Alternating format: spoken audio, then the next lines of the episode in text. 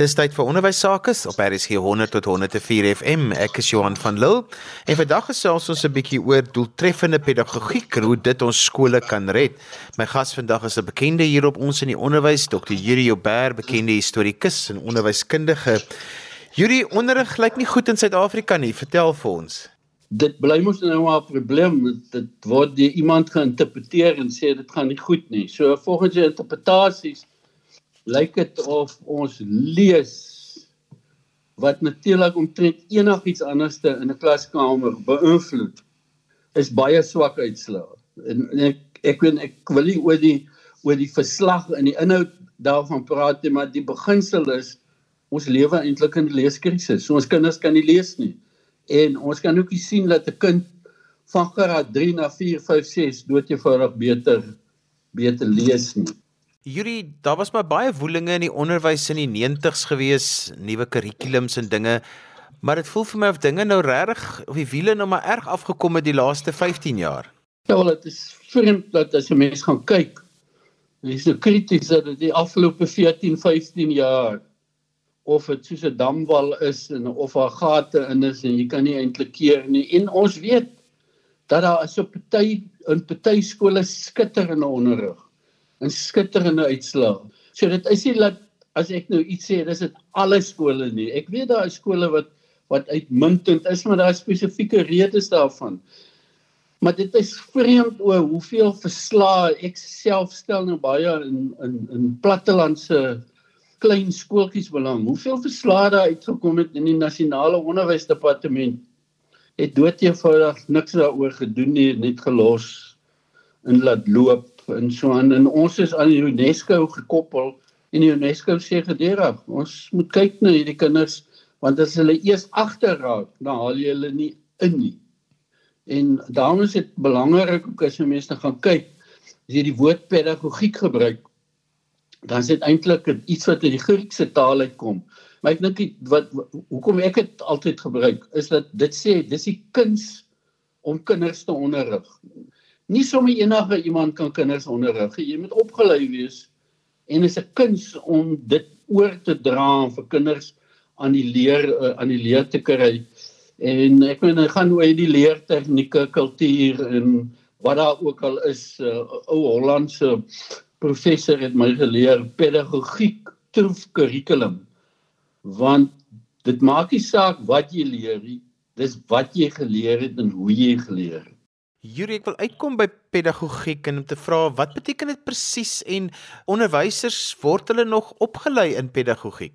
Ek moet nou oppas oor of hulle nie opgelei word nie, maar ek dink nie so nie. Ek is ongelooflik verras.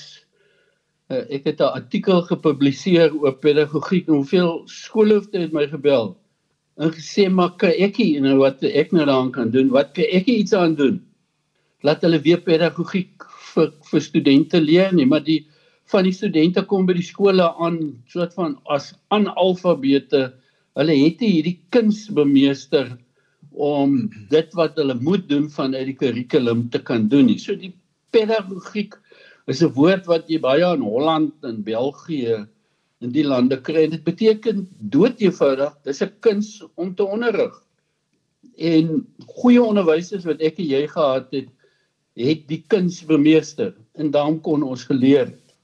Hierdie ek onthou toe ek as 'n onderwyser geleer het, toe was ek bevoorreg om by 'n instansie te leer waar mens omtrent amper van dag 1 af in pedagogiek onderrig is en jy moes dit prakties gaan doen in die klaskamer en jy het voortdurend terugvoer hieroor gekry. Is dit nog die geval en hoekom het dit vir ons so van waarde gewees en hoekom het ons so baie daai uit geleer? Ek dink dis 'n ding waaroor 'n groot debat gevoer is of gevoer nog word dat onderwyskolleges nie meer bestaan nie. So die basis van onderwyskolleges is dat hulle die beste onderwysers in die skole uitgekry het om by hulle te werk en hulle kon jong studente gehelp het om die skool reg te ervaar. En ek dink die meeste mense wat so opgelei is, sou ek vir jou gesê toe hy begin skole was dit redelik maklik want hy het hierdie oor 3 of 4 jaar in klaskamers alreeds beleef. So so ek dink daar moet 'n baie goeie balans wees tussen jou kennis van wat in 'n klaskamer aangaan en die teorie waaroor jy praat. Jy kan nie net oor teorie praat nie. wanneer ek ek bedoel nou by, om onderwysers op te lei nie want dan gaan jy nie 'n onderwyser oplei nie Hierdie armoede is 'n groot uitdaging in Suid-Afrika en op soveel vlakke en gebiede het dit 'n impak, maar in skole voel dit vir my is die impak ongelooflik groot en of dit gehanteer word of nie is maar my vraag altyd. Ja, ek is oortuig daarvan dat uh die ondervinding van arm kinders word nie in die Suid-Afrikaanse skoolstelsel verstaan nie. Dit help nie nou om in 'n in 'n diskussie te gaan wanneer as jy arm nie, ek praat van in die algemeen van armoede wat baie hoog is in Suid-Afrika.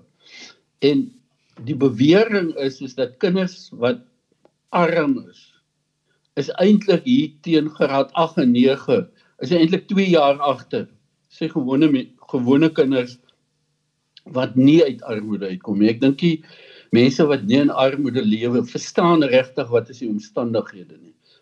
Ek is in 'n projek nou besig waar ek dit sien. Kinders het nie boeke by die huis nie.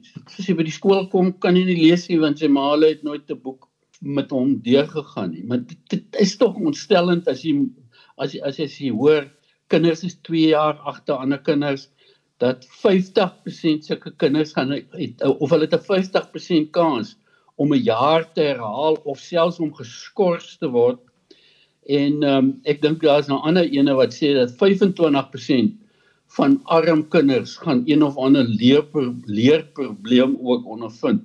So ek sou sê uit my eie agtergrond uit dat daar moet eintlik spesiale hulpprogramme wees wat kinders wat sukkel kan ondersteun dat hulle kan bykom want as jy nie by is nie ek meen daar's mense wat nou mense kan nou wyd lees oor lees daar's mense wat sê 'n kind wat teen graad 3 nie kan lees nie gaan eintlik nooit leer om ordentlik te lees nie hierdie armoede is 'n wêreldwye probleem en dan nou die agterstande wat daarmee saamgaan veral op as hulle in die skool kom.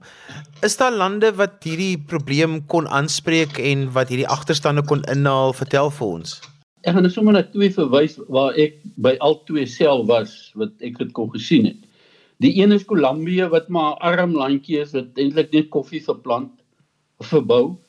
En in in in Kolumbie het hulle met 'n stelsel wat hulle begin Escola Nueva, nuwe leerskole het hulle dood eenvoudig met spesifieke leergidse wat hulle ontwikkel het, het hulle die die, die skoolstelsel op sy kop omgedraai en nou wil almal wees soos hierdie arm skooltjies omdat hulle dit wat hulle doen so goed doen. Die ander ene is ehm um, wel ek dink dis 'n fantastiese iets as, as ons in Suid-Afrika, u weet, as ons sulke leergidse in 'n stelsel kan lê soos Escola Nueva, waar jy die probleme kan oplos. Hulle het Hulle uitslae is ook sommer baie beter as ander lande en Escola Nueva se stelsel word in 'n klomp ander Spaanse lande gevolg.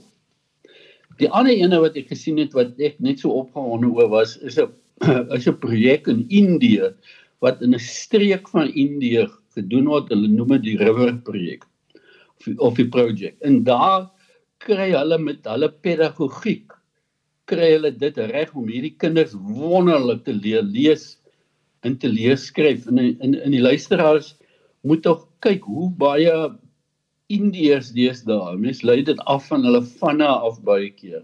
Hoe baie van hulle is van die toonaangewende opvoedkundiges omdat hulle werklik hierdie armoede in Indië se land van groot armoede maar ook rykdom dat hulle dit aangespreek het.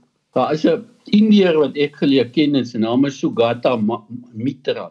Dis hy wat die rekenaar in die muur ingebou en toe die kinders hom vra wat is die ses? En weet jy kyk en toe het hulle binne 3 maande het hulle die rekenaar begin gebruik. En toe hy weer by hulle kom sê hulle hulle dink die 500 Engelse woorde het hulle geleer maar hulle dink hy moet eintlik hierdie woorde ook gebruik. Dis is 'n wonderlik iets. En hy hy hou van om om, om die volgende te sê if children cannot learn the way we teach then we must teach the way they learn. En ek dink dis een van die groot probleme ons baie van ons onderwysers het nie lekker lekker begrip, 'n goeie begrip oor hoe my brein funksioneer en ek moet as ek wil hê hy moet leer, moet moet moet ek die brein voer soos die brein dit wil wil, wil hê ek moet voer. Hierdie watter rol speel marginalisering dan in hierdie hele probleem? Wel, dis jy's een van ons probleme dat dit is 'n UNESCO woord marginalisering En en dit sê vir jou dis soos 'n klomp kinders wat netbal kyk, maar hulle mag nie speel nie. Hulle staan net op die buitekante. So jy sit hulle op die op die op op die setperke buite en jy mag nie en en en die probleem is jy nie die kinders ken nie. As ek beweer dat arm kinders word soort van nie goed na gekykie, dan is dit een van die oorsake. Kind kom net nie by nie en dit bly agter en niemand niemand doen eintlik iets aan nie. Gaan my baie interessant wees oor lees waar dit nou oor en oor gesê word. Ehm um, daar's 'n pragtige voorbeeld uit Mississippi uit die staat Mississippi.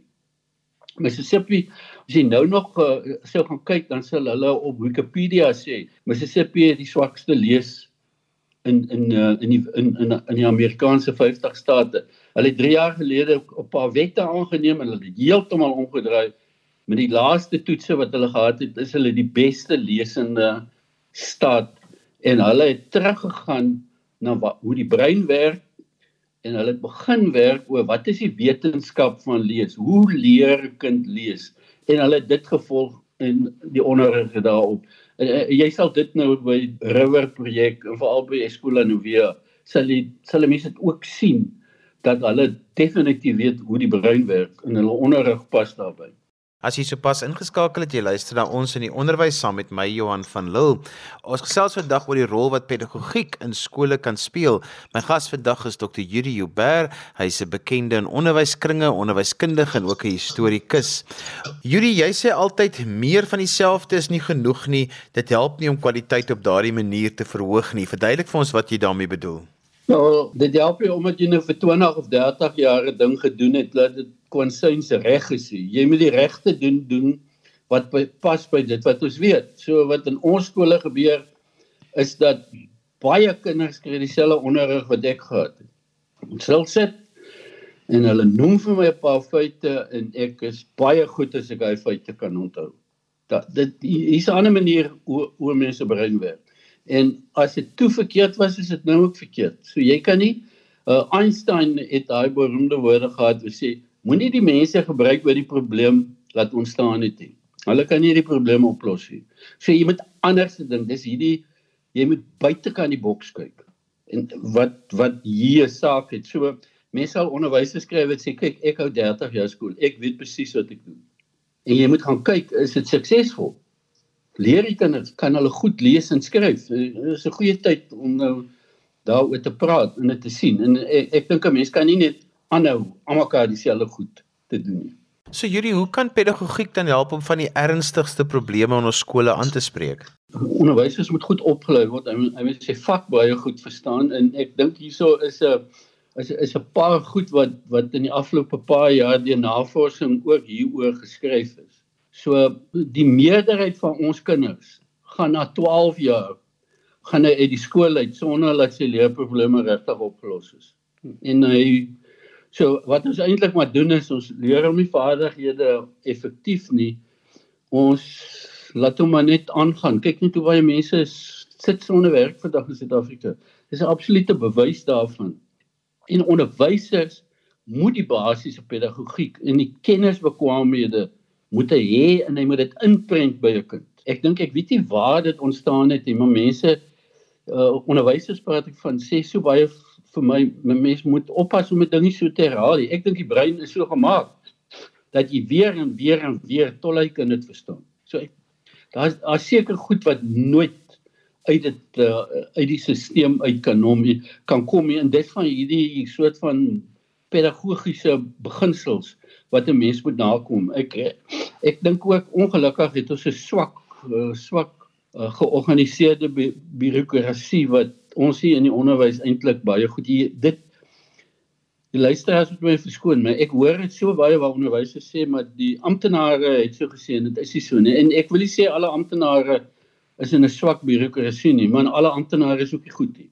En alle amptenare moet goed wees om die stelsel te laat werk die groot ding en ek het nou 'n paar keer daarna verwys, ons het nie 'n kultuur van lees nie.